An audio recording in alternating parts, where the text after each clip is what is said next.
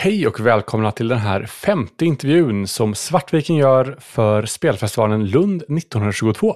Idag har vi med oss två stora namn inom rollspelshobbyn i Sverige, nämligen Gunilla Jonsson och Mikael Petersen. Välkomna! Tackar! Tackar, tackar. Trevligt att vara här. Ni har ju varit med i, hobbyn ett eh, tag, eller hur? Sen 83 gjorde vi vårt första rollspel på svenska, MUTANT. Ert första rollspel på svenska, har ni gjort rollspel på icke-svenska också? Nej, det har vi inte gjort, utan... Vi har hållit oss till det svenska språket så här långt. Ja. Och då började det med MUTANT och sen skrev ni Kult också. Och så gjorde vi ett par egna mindre, mer hobbybetonade spel däremellan. Angard och Skuggornas Mästare. Och väldigt många äventyr till Drakar och Demoner och MUTANT och så vidare. Just det, ni har haft fötterna med i, eller fingrarna med i, i det mesta som eh, skapats, producerats i Sverige då sen, sen ni började. I alla fall i början. Sen gjorde vi väl ett litet uppehåll när hobbyn falnade i slutet på 90 och början på 2000-talet.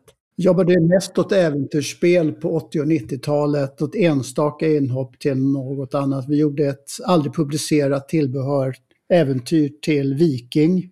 Och sen gjorde vi en hel del, en del några saker till Västern, som, Västern 3 som publicerades. Ja, ja, vad spännande.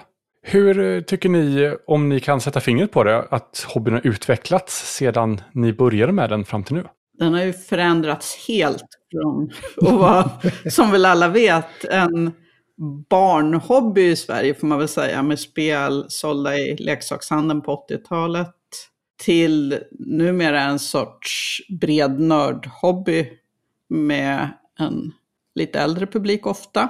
Det är väldigt annorlunda. De första spelkongresserna vi gick på, både äventyrsspels spelkongresser och vanliga rollspelskongresser som Gotcon och så vidare. Där var ju mängden unga män mellan, eller pojkar mellan 13 och 16 fullständigt överväldigande. Man såg väldigt, väldigt sällan några som definierade sig som kvinnor eller någon som bröt åldersgränsen på något sätt. Nu är det ju helt annorlunda, som tur är. Det har följt med hela säga, nördkulturen. Vi jobbar ju på science fiction-bokhandeln också. Det, det är väl en förändring som man kan se över hela linjen där rollspelen har följt med. Sen har ju rollspelen fått en helt annan roll på något sätt i... De tidigare rollspelen var ju faktiskt ganska ofta ganska sunkiga. Och de har väl utvecklats i rätt hög grad och blivit både mera inkluderande och bättre tycker jag personligen. Ja, folk har lärt sig räkna. Det kunde ju inte vi på 80-talet, så reglerna var ju helt uppåt, åt fanders, uppriktigt sagt, påfallande ofta. Ja, gud. Nu kan man ju nästan inte göra ett rollspel utan att söka hjälp hos en matematiker för att kolla att allting verkligen stämmer. Ja. Att man inte har gjort någonting dumt någonstans, vilket vi lätt of gjorde, ofta gjorde. Ofta och mycket och länge, mm. ja. Ja, nu, alltså, rollspel nu för tiden bygger ju mycket på existerande regler också. Man tar exempelvis där Power by the Apocalypse och så applicerar man de reglerna på sitt eget spel. Så man slipper ju det här hitta på så mycket helt från grunden som man kanske behövde när ni skrev era första spel. Ja, det var ju så. Alltså, MUTANT baserades ju på den första utgåvan av Drakar och Demoner. Basic Role Playing ja, till och med Fantasy World ifrån eh, Chaosium var det baserat på. Och det fanns ju väldigt lite att titta på. Jag menar, det de bad om, det de beställde, det Fredrik Malmberg beställde av oss var ju ett svenskt Gamma World. Nu fick han ju näppligen ett svenskt Gamma World utan någonting helt annat på många sätt. Men det var ju... Vi hade ju mest spelat, ja lite Basic Role Playing och Dungeons and Dragons och Gamma World. Så det var det vi hade mest erfarenhet av. Och Call of Cthulhu förstås. Vi kunde ju Basic Role Playing från Call of Cthulhu, för det var en favorit tidigt. Tidigare RuneQuest också. Och Advanced Dungeons and Dragons, som fortfarande står i en hylla här. Men ni eh, hoppade på Call of Cthulhu redan så tidigt då, när det var nytt? Ja, jag fick lådan, när var det? 82? 83. Och jag gillade Lovecraft. Jag hade läst novellerna som Samji Lundvall gav ut på svenska på 70-talet och var lite Lovecraft-frälst redan där. Så jag hoppade på och blev glatt spelledare från början. I... Vi körde Shadows of Yog-Soggoth som den första kampanjen om jag inte minns fel. Ja, och sen körde vi de här stora Masks of Nyarlathotep och Spawn of Assatoth och alla de här megakampanjerna på 80-talet. Och nu skriver ni en egen megakampanj till Call of Cthulhu Sverige, eller hur? Ja, tillsammans med Gabriel de Boer. Med arbetsnamn Drömmar om hunger och köld. Ja. Vi har försökt göra någonting som känns väldigt svenskt, där vi använder mycket svenska miljöer och svenska 20-talspersonligheter och En resa genom Sverige från söder till norr, vagt inspirerad av en ung man på en gås. men bara vagt. Väldigt vagt. Det blir lite av en roadtrip då genom Sverige. Om ni skulle sätta fingret på, eller om ni skulle beskriva de största skillnaderna mellan att skriva för Kult och att skriva för Call of Cthulhu, vad skulle ni säga att det är? För det, båda är ju lite skräckspel, fast väldigt olika. Ja, det är jätteolika tänk. Vi har ju faktiskt gjort ett ännu inte publicerat 20-talsäventyr till Kult också.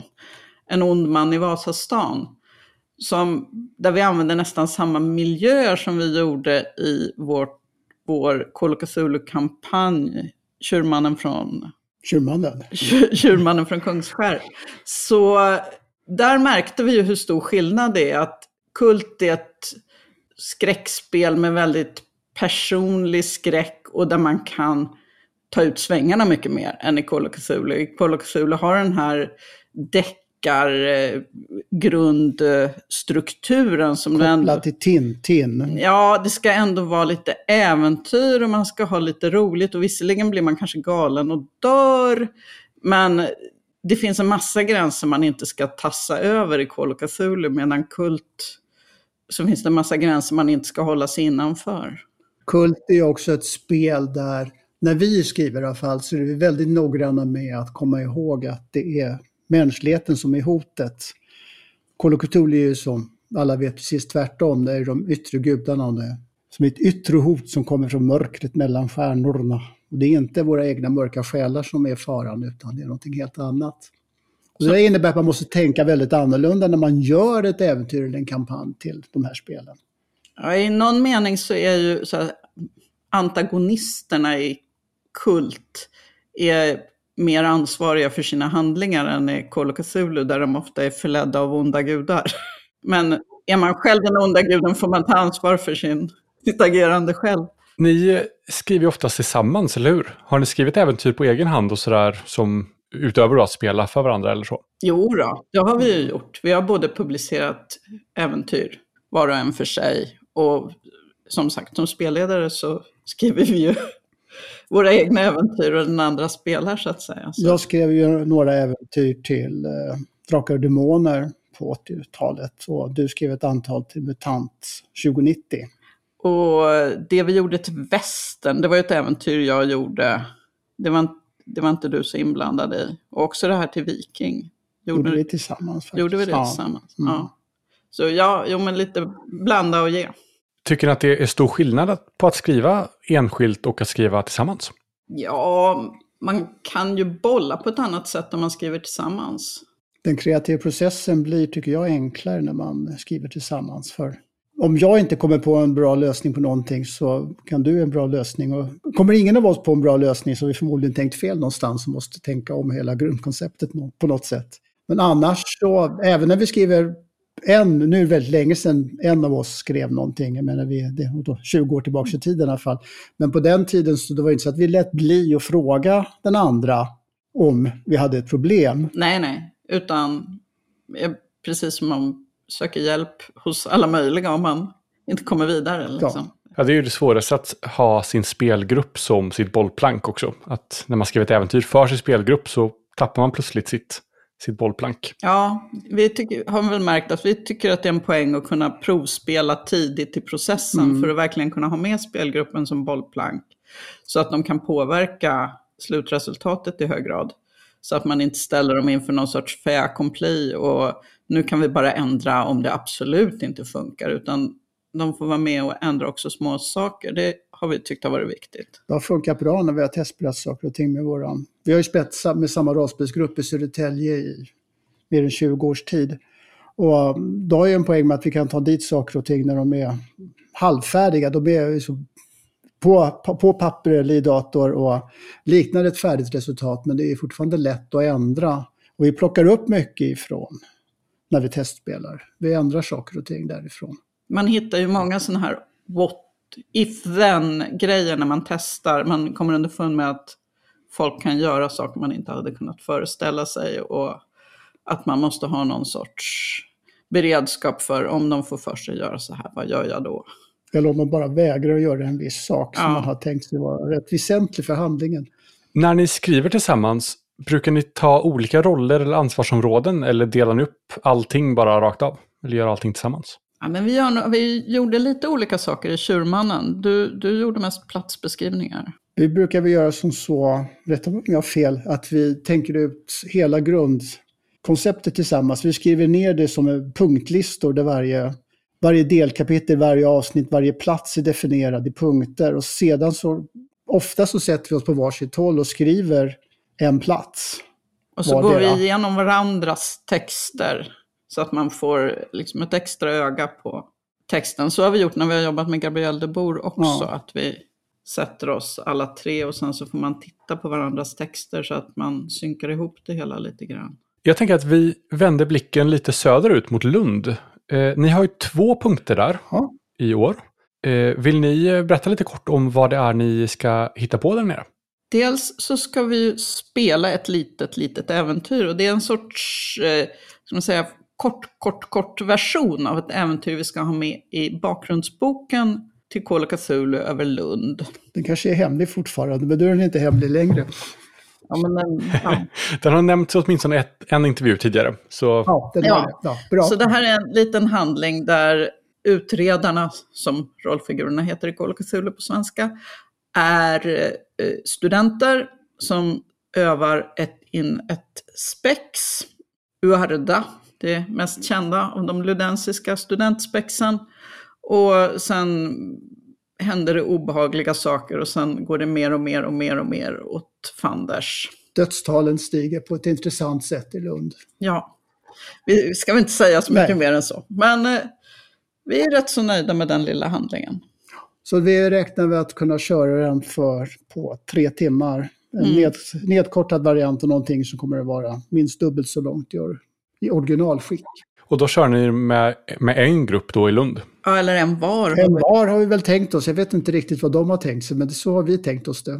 Det borde finnas utrymme i AF-borgen att köra på, så att jag hoppas det. Men ni kommer inte köra en live eller så, utan det blir klassiskt rollspel i stängt rum. Ja, det blir klassiskt rollspel i ett stängt rum. Ska man köra live så behöver man folk som eh, spelar, som är vana vid det. Annars tror jag att folk lätt kan bli lite ställda. Och inte- den här handlingen eh, som innebär att man ska ränna hit och dit över hela Lund lånar sig inte riktigt till ett live på tre timmar. Nej. Nej, Det krävs ju sitt äventyr och sin grupp för livespel. Ja, Sen skulle ni ha ett panelsamtal också, eller hur? Ja, vi och Lynn Willis ska prata om att skriva Call of Cthulhu-kampanjer helt banalt. För hon har skrivit Call of Cthulhu-kampanjer på engelska bland annat, om jag inte minns fel, Children of Fear, som är stor och tung och bra. Och vi har skrivit Tjurmannen från Kungsskär och jobbar nu på den här Drömmar om hunger och köld. Så vi ska försöka delge lite erfarenheter. Vad ska man tänka på? Och hur fungerar det och vad är det för någonting? Och ja. jag vet faktiskt inte riktigt vad de har tänkt sig. Vi har inte sett någon närmare eh, Nej, specifikation ja. på vad vi ska prata om. Eller om de bara tänker släppa loss och så säger här, här är, det är Micke och Gunilla. Nu ska de hålla låda i en timme. Ja, Mm. det visar sig. Det visar sig. Det är nog inga problem. Vi är rätt vana vid att bara pladdra på. Jag misstänker att Lynn också är det. Det går nog bra. Ja, det är en tacksam egenskap att ha. Att bara kunna släppa fri och, och köta en timme. Ja, det är rätt praktiskt. Men då är tanken, är det, är det ett panelsamtal då som är lätt av en moderator eller blir det bara ni tre på scen? Ni kanske inte har koll på sådana detaljer än? Jag tror att Björn eh, Flintberg från Eloso ska vara moderator, är det inte så? Så har jag uppfattat det. Återigen, det, det hänger väl lite på där. Informationen är än så länge lite knapphändig där. Men ett, eh, som jag förordar, ett lätt samtal på scen. Ja, Där det ställs intressanta och begåvade frågor på ett roligt och spännande sätt. Och vi säger sma- kommer med smarta. Underfundiga och roliga kommentarer. Ja, det blir nog bra. Ni dyker bara upp och presterar. Ja. Varifrån brukar ni hämta inspiration och så till era äventyr?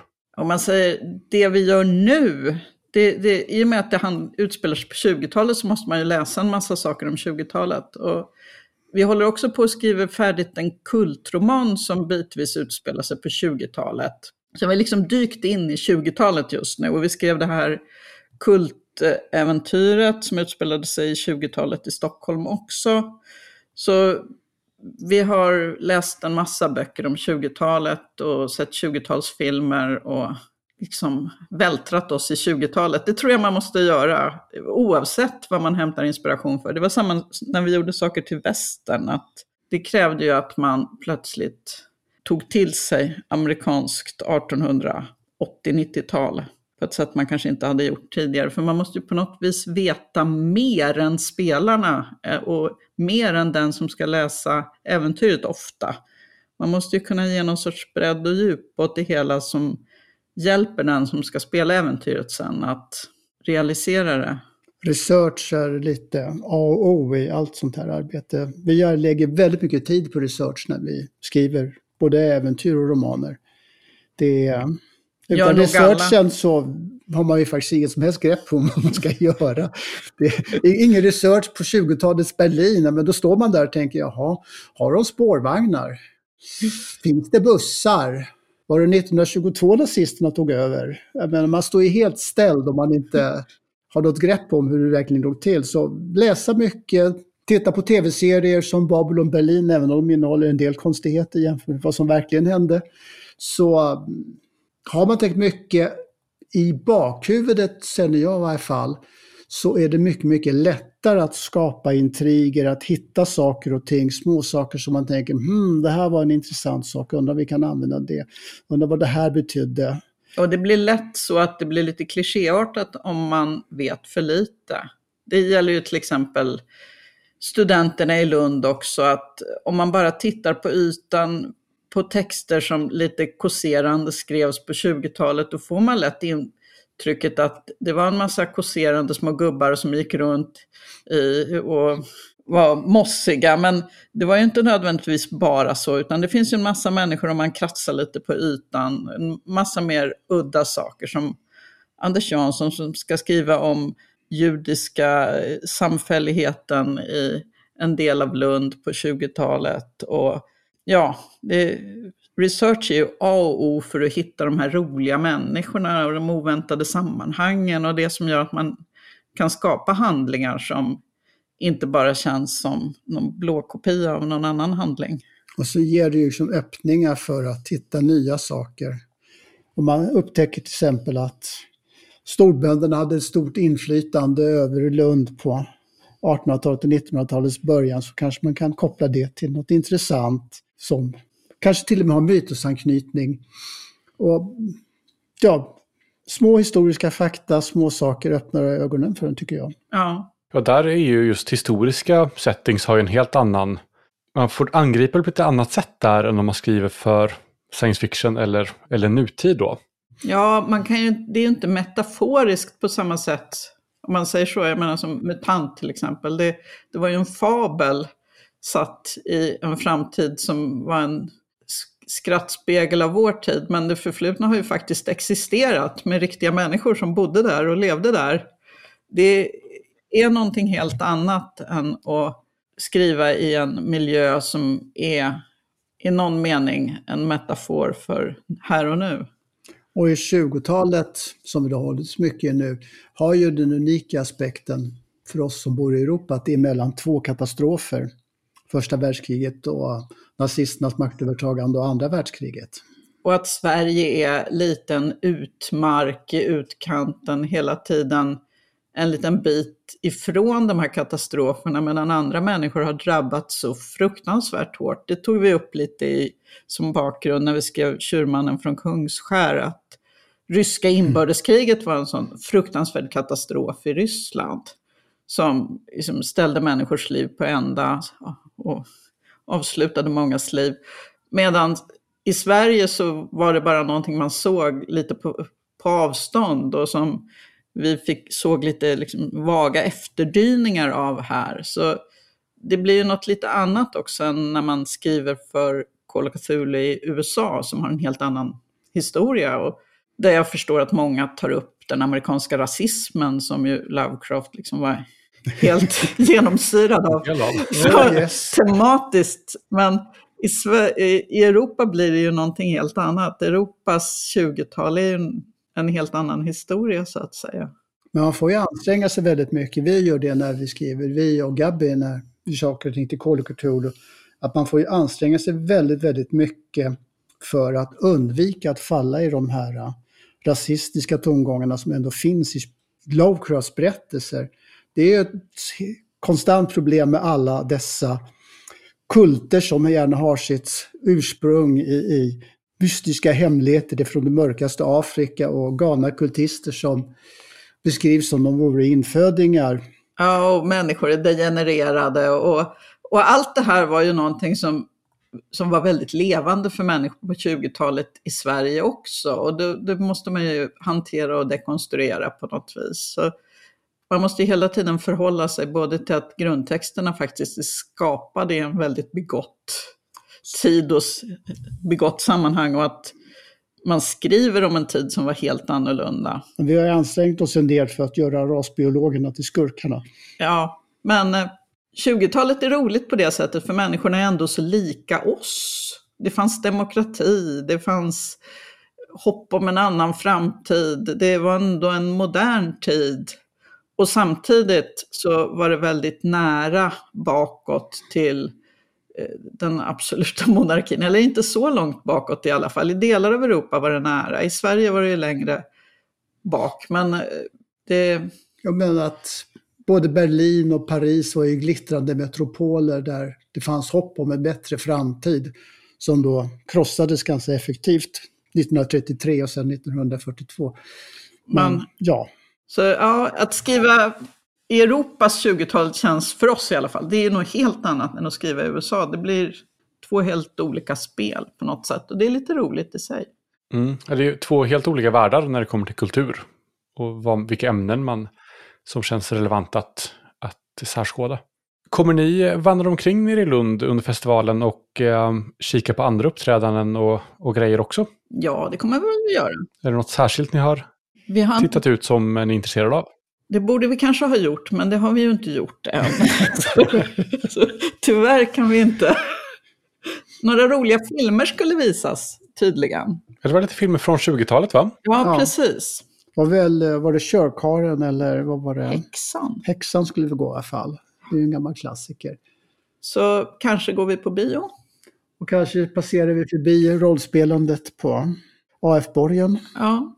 Så skulle det vara något konvent samtidigt också. Vi får väl se lite när vi kommer dit. Man får ju titta på programmet och försöka göra upp lite dagsplanering för vad man vill göra den här mm. dagen. Ja, och det dyker upp nya saker i programmet hela tiden. Så det är ju farligt att slå fast i förväg vad man vill se och inte. Sen är vi lite uppslukade just nu att både skriva färdigt vår tredje roman och att arbeta på en kulturkampanjen och sourcebooken samtidigt. Så vi har väl kanske inte riktigt så mycket tid över till eh, att studera och bestämma oss för vad vi ska göra. vi tänker nog på Lund. Vi tänker på tåget ner, ja, tänker vi tänker på tåget Lund. Det, får bli bra. Ja. Kanske en dålig ursäkt, men det är den jag kan komma på just nu. Men eh, hörni, supertrevligt att chatta lite. Ja, detsamma, ja, detsamma. Det var trevligt. Vi ses kanske i Lund. Ja, men det hoppas jag verkligen. Kommer ni klä upp er i 20-talskläder när ni är nere? Nej. Nej, vi, ja, inte som vi har planerat än. Vi, vi, har lite dåligt med 20-talskläder. Vi, vi får se om vi lyckas um, låna ihop något. Då hoppas jag att vi ses där nere. Ja, det gör vi. Ta hand om er. Ja, ha det bra. Hej. Hej då.